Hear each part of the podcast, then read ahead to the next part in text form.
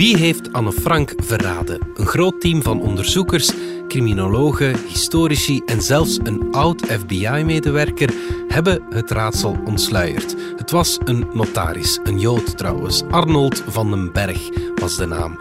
Maar is dat echt zo? Zijn alle twijfels daarmee weg? En zou het echt kunnen dat de ene Jood de andere naar de concentratiekampen stuurde? Het is maandag 24 januari. Ik ben Alexander Lippenveld en dit is vandaag de dagelijkse podcast van de Standaard.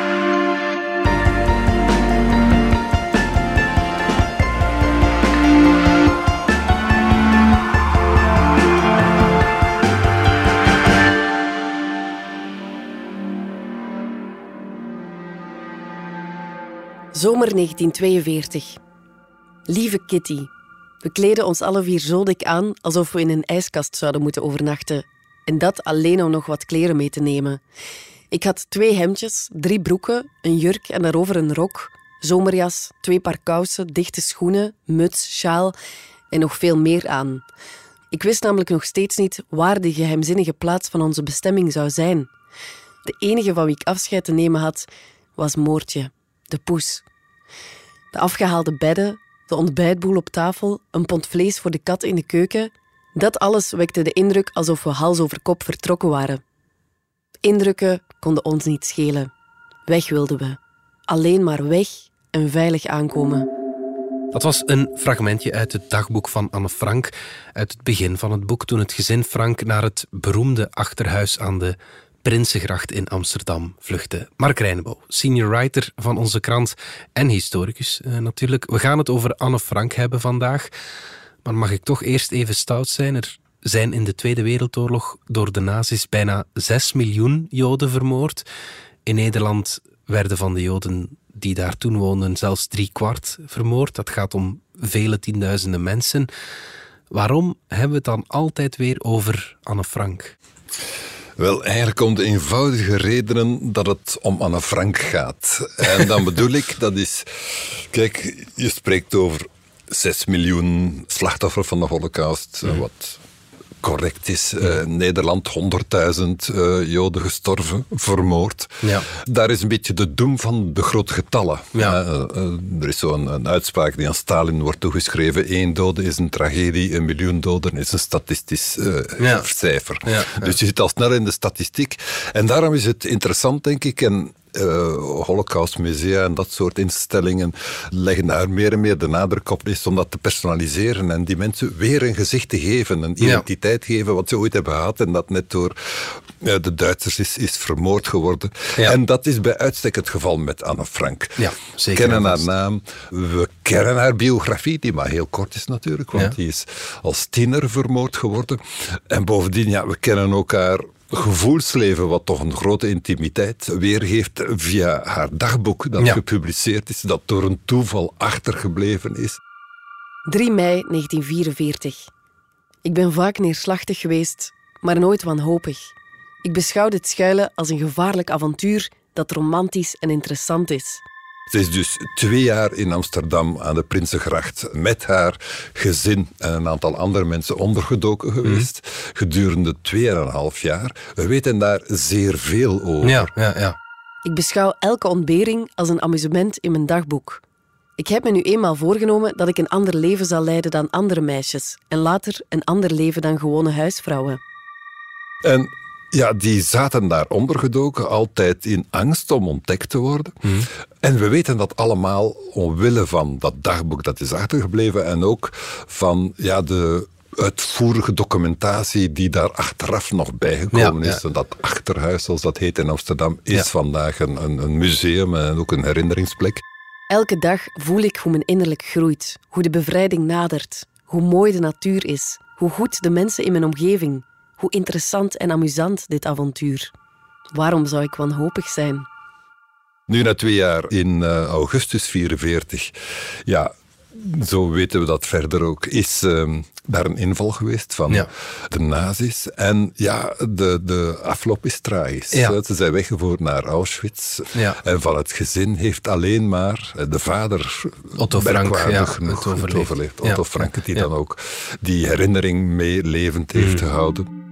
Er is één puzzelstukje in het verhaal van Anne Frank dat ontbreekt. En dat is hoe de Duitsers hebben ja, uitgezocht dat het achterhuis daar was en het gezin Frank daar zat. Mark, dat puzzelstukje wordt vandaag misschien iets duidelijker. Hè? Het was natuurlijk zo dat de Duitse bezetter altijd het plan had om Joden op te pakken, te deporteren en uiteindelijk te vermoorden. En mhm. die hebben daar toch wel aanzienlijke inspanningen voor gedaan. Mhm. En ja, als dan een Joodse familie daar is, zoals de familie Frank, ja, waren die ook kandidaat. Dus het is niet abnormaal dat die werden gezocht. Enfin, ze werden niet individueel gezocht, maar men wist, ja, dat is, een Joods gezin en wij hebben, wij nazi's hebben een probleem met Joden. We hmm. moeten die vermoorden. Dat is bijna ontstellend, dat is geen honderd jaar geleden. Hè. We hebben het hier over 1940 en volgende jaren.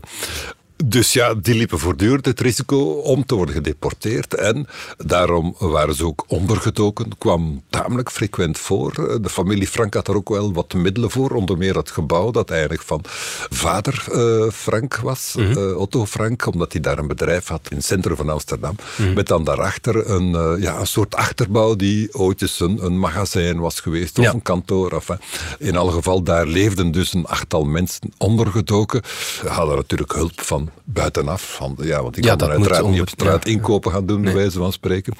En de vraag is altijd geweest, toen daar in augustus 1944 de Sicherheidsdienst zich kwam aanmelden om ja, een inval te doen en uh, de ondergedoken Joden te arresteren. Mhm. Hoe kwamen ze daar terecht? En dat is nooit duidelijk geweest, omdat daar een aantal, uiteraard was dit natuurlijk clandestien, maar toch een aanzienlijk aantal mensen wisten daarvan.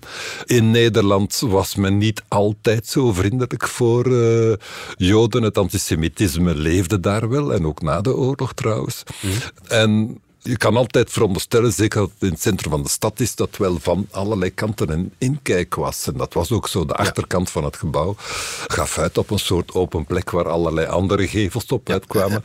Dus lange tijd is de idee geweest van ja, iemand moet wat gezien hebben. Acht mensen die volledig verborgen uh, leefden, dat is, uh, dat is heel moeilijk. Te meer ook omdat ja, er nogal wat collaboratie was en mensen die er niet voor terugschrokken. Zowel, uh, laten we zeggen, ordinaire criminelen die het voor het geld zouden doen, of mensen die ideologisch waren bewogen. Want er was natuurlijk ook een sterke fascistische beweging in Nederland bij de NSB. Ja, dat die dan gemotiveerd waren om onderduikers aan te geven, dat Duitsers hen zo op het spoor zijn gekomen. Maar uiteindelijk, we weten het niet. Nee. Nee. En spoiler alert, we weten het nog niet. Ja, oké. We weten het misschien nog niet, zoals je zegt, maar er is wel een een team van ja, redelijk serieuze onderzoekers uh, met alles aan de slag gegaan. En ze zijn dan toch op een naam gekomen. Hoe, hoe, hoe zijn ze te werk gegaan? er is nu een, begin daar maar eens aan. onderzoek geweest. En het resultaat ervan is gepubliceerd in ja, een boek dat in een aantal landen tegelijkertijd, een aantal talen ook tegelijkertijd is verschenen. Mhm.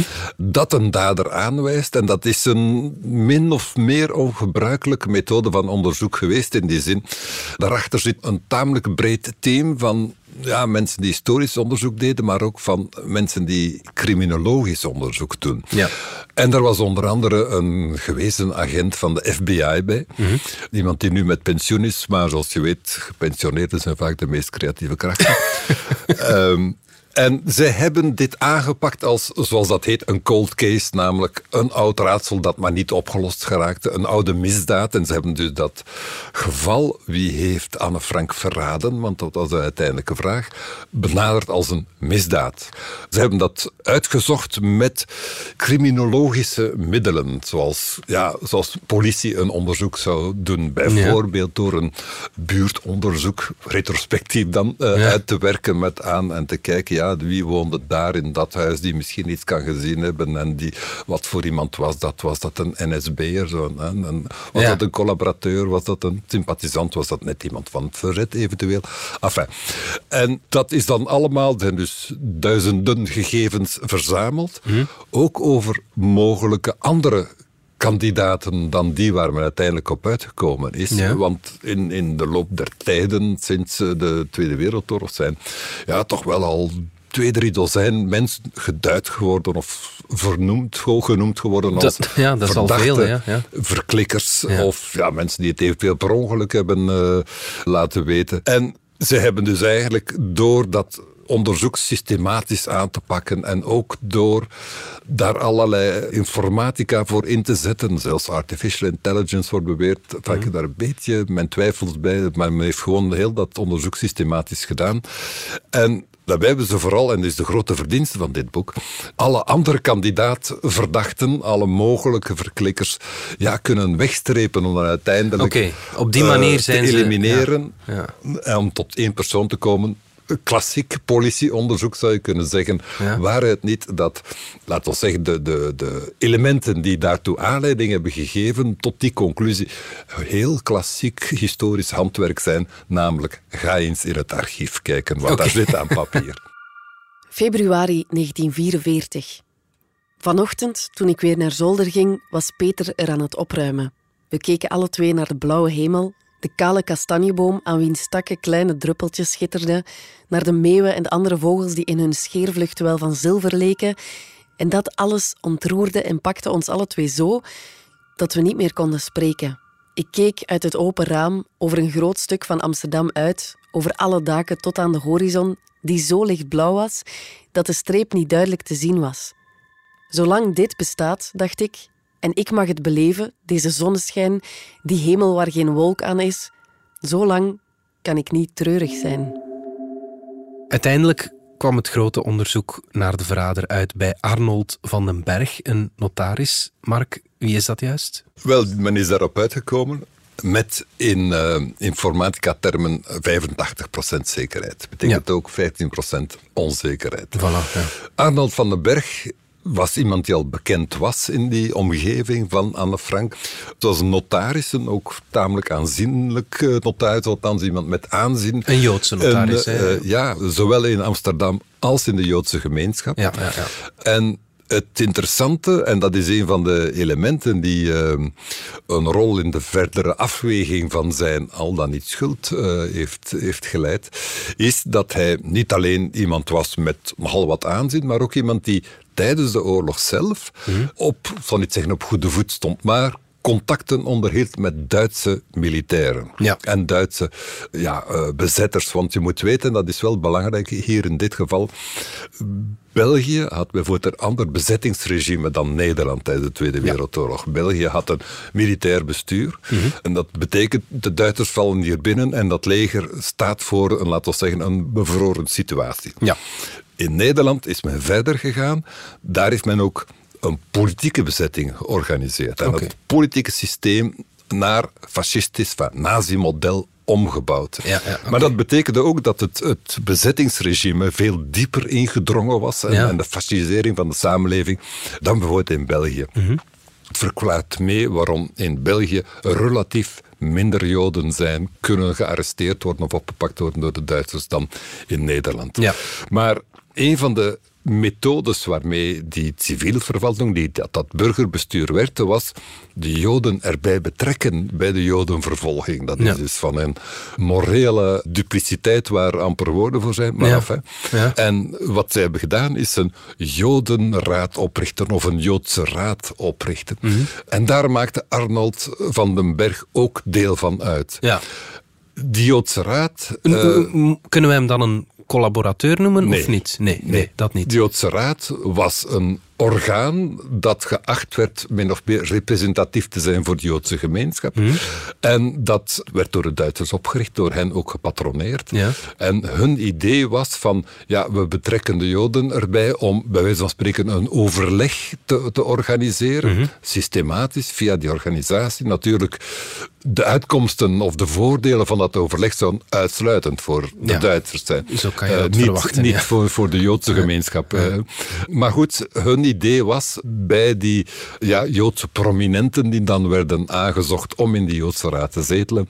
Hun idee was, ja, dit is de politiek van het minste kwaad. We kunnen hier misschien wat verder onheil voorkomen. We kunnen misschien, laten we zeggen, de ergste uitwassen, de, de, de scherpste kantjes er wat van afveilen. Mhm. Dat was een, ja, was een hoop eh, waar je alleen maar met, laten we zeggen, het perspectief van toen kan, op, uh, kan over oordelen. Mhm. Het heeft ook wel natuurlijk tot collaboratie geleid, omdat je een glijdende schaal hebt van uh, afwachting, samenwerking, collaboratie. Er wordt wel eens gezegd dat die Joodse Raad de lijsten samenstelde voor wie gedeporteerd zou moeten worden. Dat, dat, dat, klopt dus niet. Nee, ja. uh, dat deden Duitsers zelf. Ja. Maar het is in ieder geval zo Notaris Arnold van den Berg is daar een prominent lid van. Mhm. Maar die Joodse Raad is ook wel opgedoekt in 1943, precies omdat daar zoveel controverse rond was. Ah, Dat dat nu al dan niet collaboratie was, in welke mate dus dat, dat die... ruim een jaar voordat de, het gezin Frank gedeporteerd is. Het is een cruciaal element dat dat een, een, een, jaar tevoren, dat die Joodse Raad niet meer bestond. Maar het is wel zo dat ja, Arnold van den Berg ook in zijn functie uh, als notaris een, een geziene figuur was in Amsterdam, ook buiten de Joodse gemeenschap. Ja. Hij was onder meer de notaris in de zogenaamde goudstekkeraffaire. Een heel uh, beroemd geval. Goudstekker was een kunsthandelaar, een Joods kunsthandelaar. Vlucht bij het begin van de Duitse inval in 1940 komt snel om, maar laat een grote collectie kunst achter in Amsterdam. En die wordt gekocht je kan vragen of dat een juiste prijs was, mm. door Herman Geuring. Of althans, die is daar speelt daar een rol in? Wel nu, in heel die onderhandeling is Arnold van den Berg de notaris. Ah ja het was een legitieme transactie, zeker op het eerste gezicht. Ja. Maar goed, dat betekent dus wel dat hij nogal wat mensen kon kennen in het bezettingsbestuur. Ja, eh, en, en in ja als je Geuring kent, dan ken je de, mensen die daaronder eh, komen toch ook, denk ik. Wat dus, laat ons zeggen, al een beetje een schuld zou kunnen suggereren. Als je die Duitsers goed kent, dan kan je ook dingen gaan verklikken bij hen. Want dat is zoals het onderzoek ook opgezet vanuit zijn criminologische achtergrond de vragen zijn eigenlijk, had de verdachte kennis van de feiten, namelijk wist hij waar dat die uh, familie Frank en andere onderduikers woonden, had hij een motief om hen te verklikken? En had hij de mogelijkheden om hen te verklikken. Wel nu, daar is die idee, ja, hij zetelde in er uh, die mogelijkheden raad, die eventueel wist waar onderduikers woonden, dus hij kan het geweten hebben. Had hij een motief? Ja, hij was zelf iemand van uh, Joodse afkomst daar is wat discussie over, maar enfin, werd mhm. dus ook bedreigd met deportatie. Dus je had een motief om eventueel anderen te verklikken en zelf vrijuit te gaan. Was hij in de gelegenheid? Ja, want hij kende die hoge Duitse officieren en ja, uh, nazi's. Dit is de constructie die de makers, dit cold case team, heeft opgezet.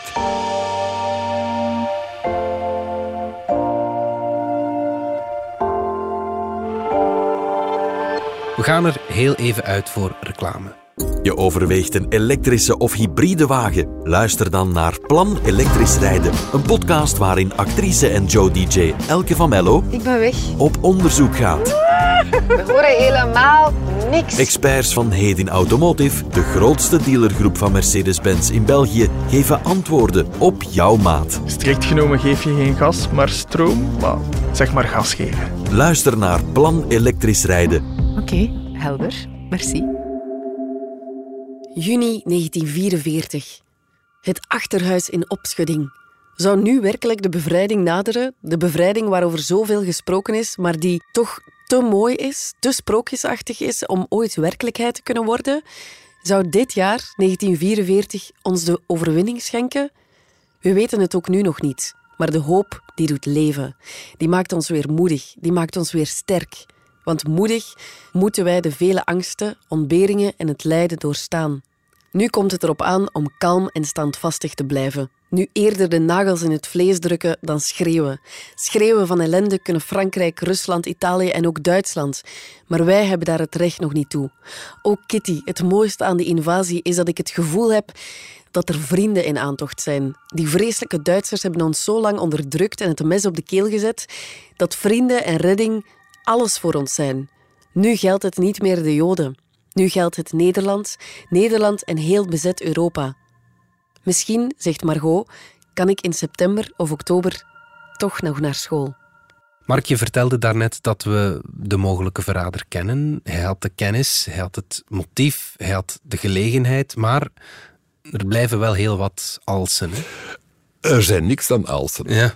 De vraag is natuurlijk, hoe kom je uiteindelijk terecht bij die notaris? Ja. Wel nu, uitgangspunt is simpel, hij is zelf verklikt. In die zin dat vader Otto Frank, die dus als enige overlevende van dat gezin terugkeert naar Amsterdam, op een dag, kort na de oorlog, een handgeschreven briefje anoniem in zijn bus vindt, waarin hem wordt meegedeeld dat het notaris Arnold van den Berg is die zijn gezin verraden heeft in de oorlog. Ah ja. En is, dan, is er dan nooit onderzoek gedaan in Daar die is, eh, 80 jaar? Uh, Op dat in geval niet meteen. Uh, Oké, de, ja. de, naar het schijnt is, voor zover we dat kunnen reconstrueren, is er in het begin van de jaren 60, maar dan zijn we toch alweer 15 jaar verder, Mhm. is daar uh, contact over geweest met de politie in Amsterdam. Ja. Maar Arnold van den Berg is gestorven in 1950. Ja. Dus vijf jaar na de oorlog aan keelkanker. Ja.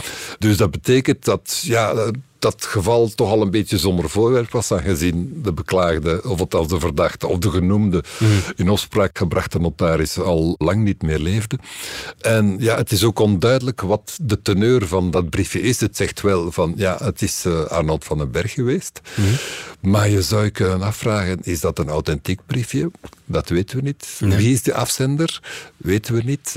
Er wordt een, een merkwaardig incident tijdens de bezetting probeert eh, Arnold van den Berg zich van zijn Joodse achtergrond te ontdoen, stellende dat hij toch maar een verre voorouder heeft die eh, Joods was. Ja. Hij slaagt erin om in zijn paspoort, eh, waar altijd een J stond gestempeld bij Joden, want eh, je moet daar vooruitkijken, was eh, uiteraard voor de Duitsers een stelling, ja, om dat te laten schrappen, om dat eruit te laten halen. En dan is er een andere notaris in Amsterdam die daartegen bezwaar maakt dat die J wordt geschrapt. Oké.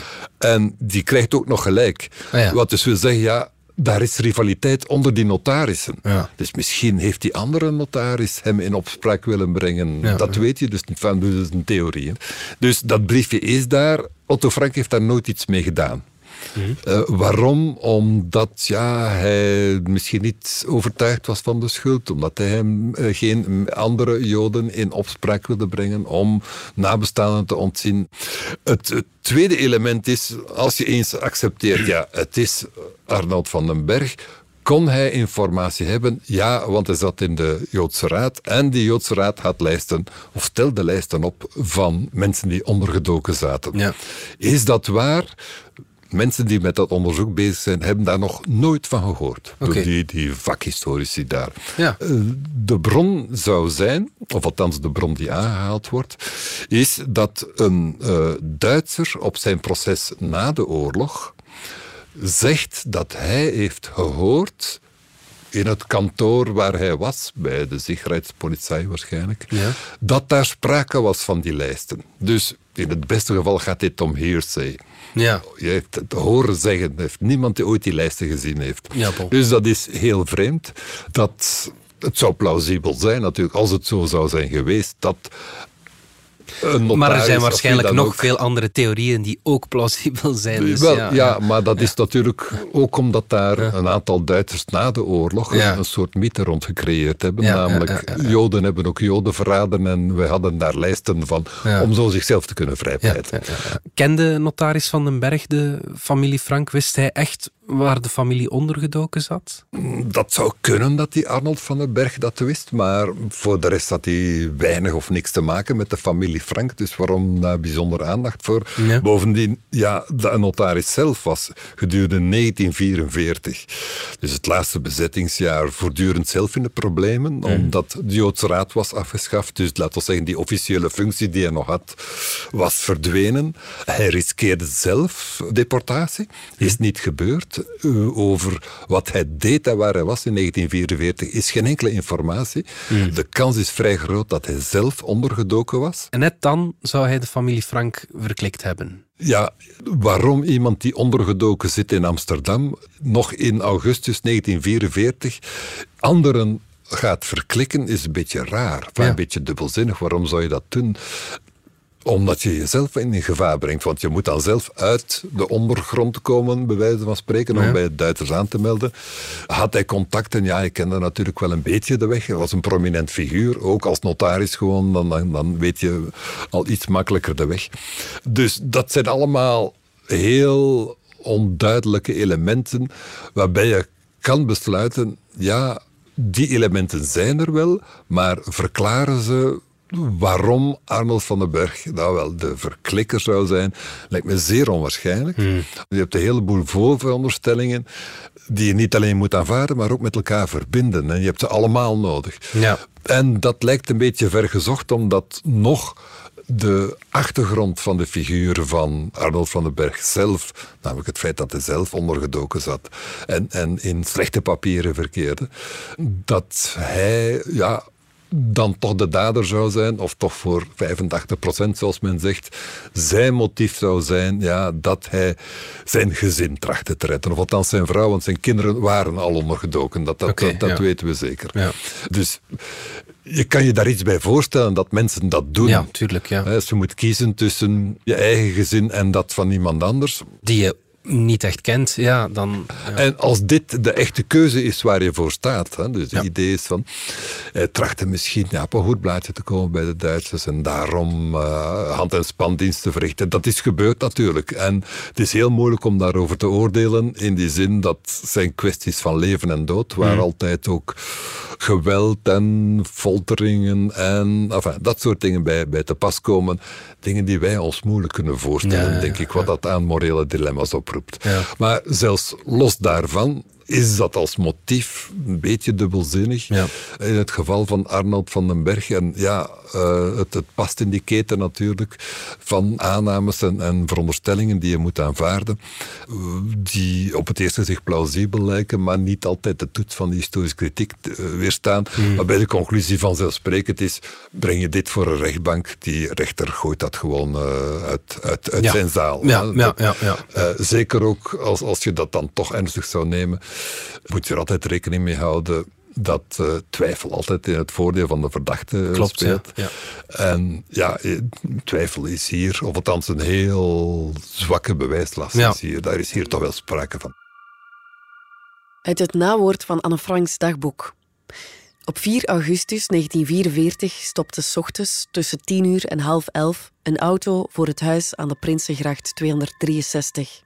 De SS-oberscharführer Karel Jozef Silberbauer in uniform stapte samen met tenminste drie Nederlandse helpers van de Groene Polizei, die een burger waren, maar wel gewapend, uit. De Groene Polizei arresteerde de acht onderduikers als ook de twee helpers, Victor Kugler en Johannes Kleiman, en nam alle kostbaarheden en het nog voorhanden zijnde geld mee. Met het laatste transport, dat vandaar naar concentratiekampen in het oosten ging, werden ze op 3 september 1944 gedeporteerd en ze bereikten na drie dagen Auschwitz in Polen. Margot en Anne werden eind oktober met een zogenoemd evacueringstransport naar het concentratiekamp Bergen-Belsen gedeporteerd. Als gevolg van de bijzonder slechte hygiënische toestanden brak er in de winter van 44-45 een tyfusepidemie uit, waaraan duizenden van de gevangenen stierven. Daarbij was ook Margot en enkele dagen later na haar Anne.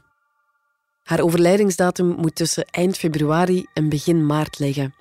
De lichamen van beide meisjes liggen waarschijnlijk in de massagraven van Bergen-Belsen. We begonnen de podcast met een hoofdverdachte, zeg maar, en je plaatste er heel wat vraagtekens bij, Mark. Is dit allemaal weer wat ja, sensationeler voorgesteld om, ja, om een boek te verkopen?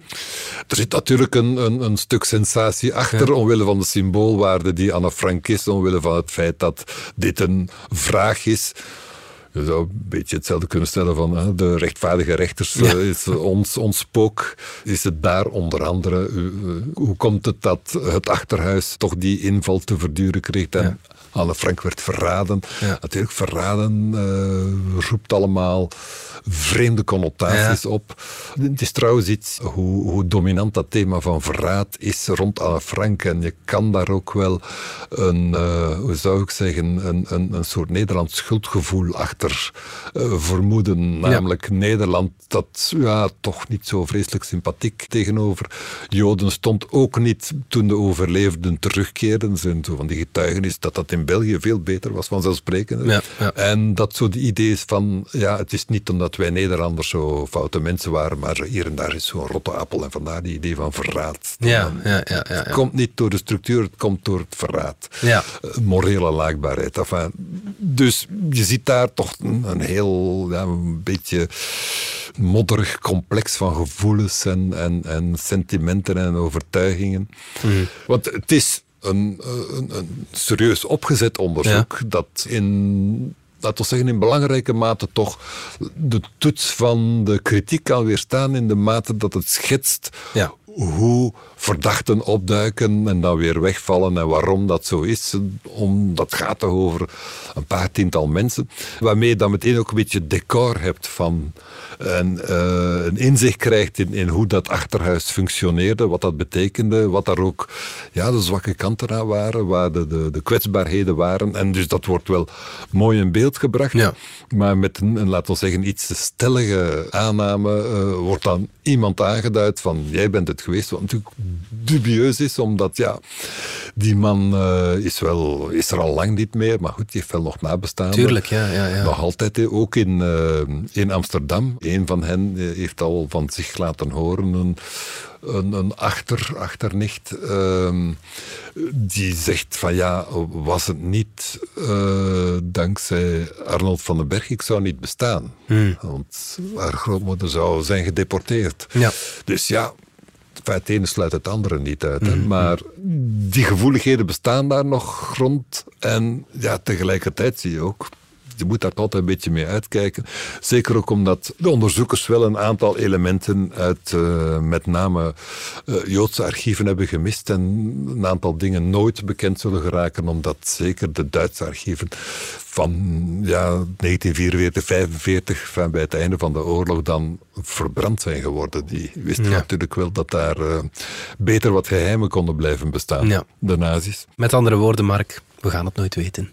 We gaan het nooit weten. Nee, we kunnen alleen veronderstellen of een, een, een gok maken. En ik heb zo het gevoel wat meest waarschijnlijk lijkt, is dat ja, het door toeval is geweest. Dat Ja. iemand heeft vastgesteld van, ja, maar er is licht daar. Enfin, er waren allerlei voorzorgsmaatregelen in dat achterhuis, maar waarom is dat kantoor, is daar zoveel beweging rond? Enfin, dat men dat soort, dat dat door een toeval is opgemerkt Ja. en eh, dat eventueel ook Duitsers dat hebben gemerkt, want die waren natuurlijk wel actief op zoek naar, Ja, tuurlijk. naar Joodse onderduikers, omdat ze wel wisten dat die er waren. En ja, dat het gewoon door stommiteit aan het licht is gekomen. En dat is niet spectaculair. En je hebt geen, laten we zeggen, dader. Mhm. Misschien is dat een beetje omdat we, dat we te veel naar televisie kijken, dat wij een dader willen Ja. eh, aan het einde van het verhaal. Maar hier zal nooit een happy end zijn. Nee. Alleen de Duitsers hebben de oorlog verloren. En zo is er een, een einde gekomen aan die oorlog, maar winnaars zijn er niet. Nee. Goed, Mark Reinebo, dankjewel. Dit was vandaag de dagelijkse podcast van de Standaard. Bedankt voor het luisteren. Ken je trouwens DS Podcast al, de podcast-app van de Standaard? Daar luister je niet alleen naar onze journalistieke reeksen, je krijgt ook elke week een eigenhandige selectie van de beste nieuwe podcasts op de markt. Alle credits van de podcast die je net hoorde vind je op standaard.be-podcast. Reageren kan via podcast.standaard.be. Morgen zijn we opnieuw.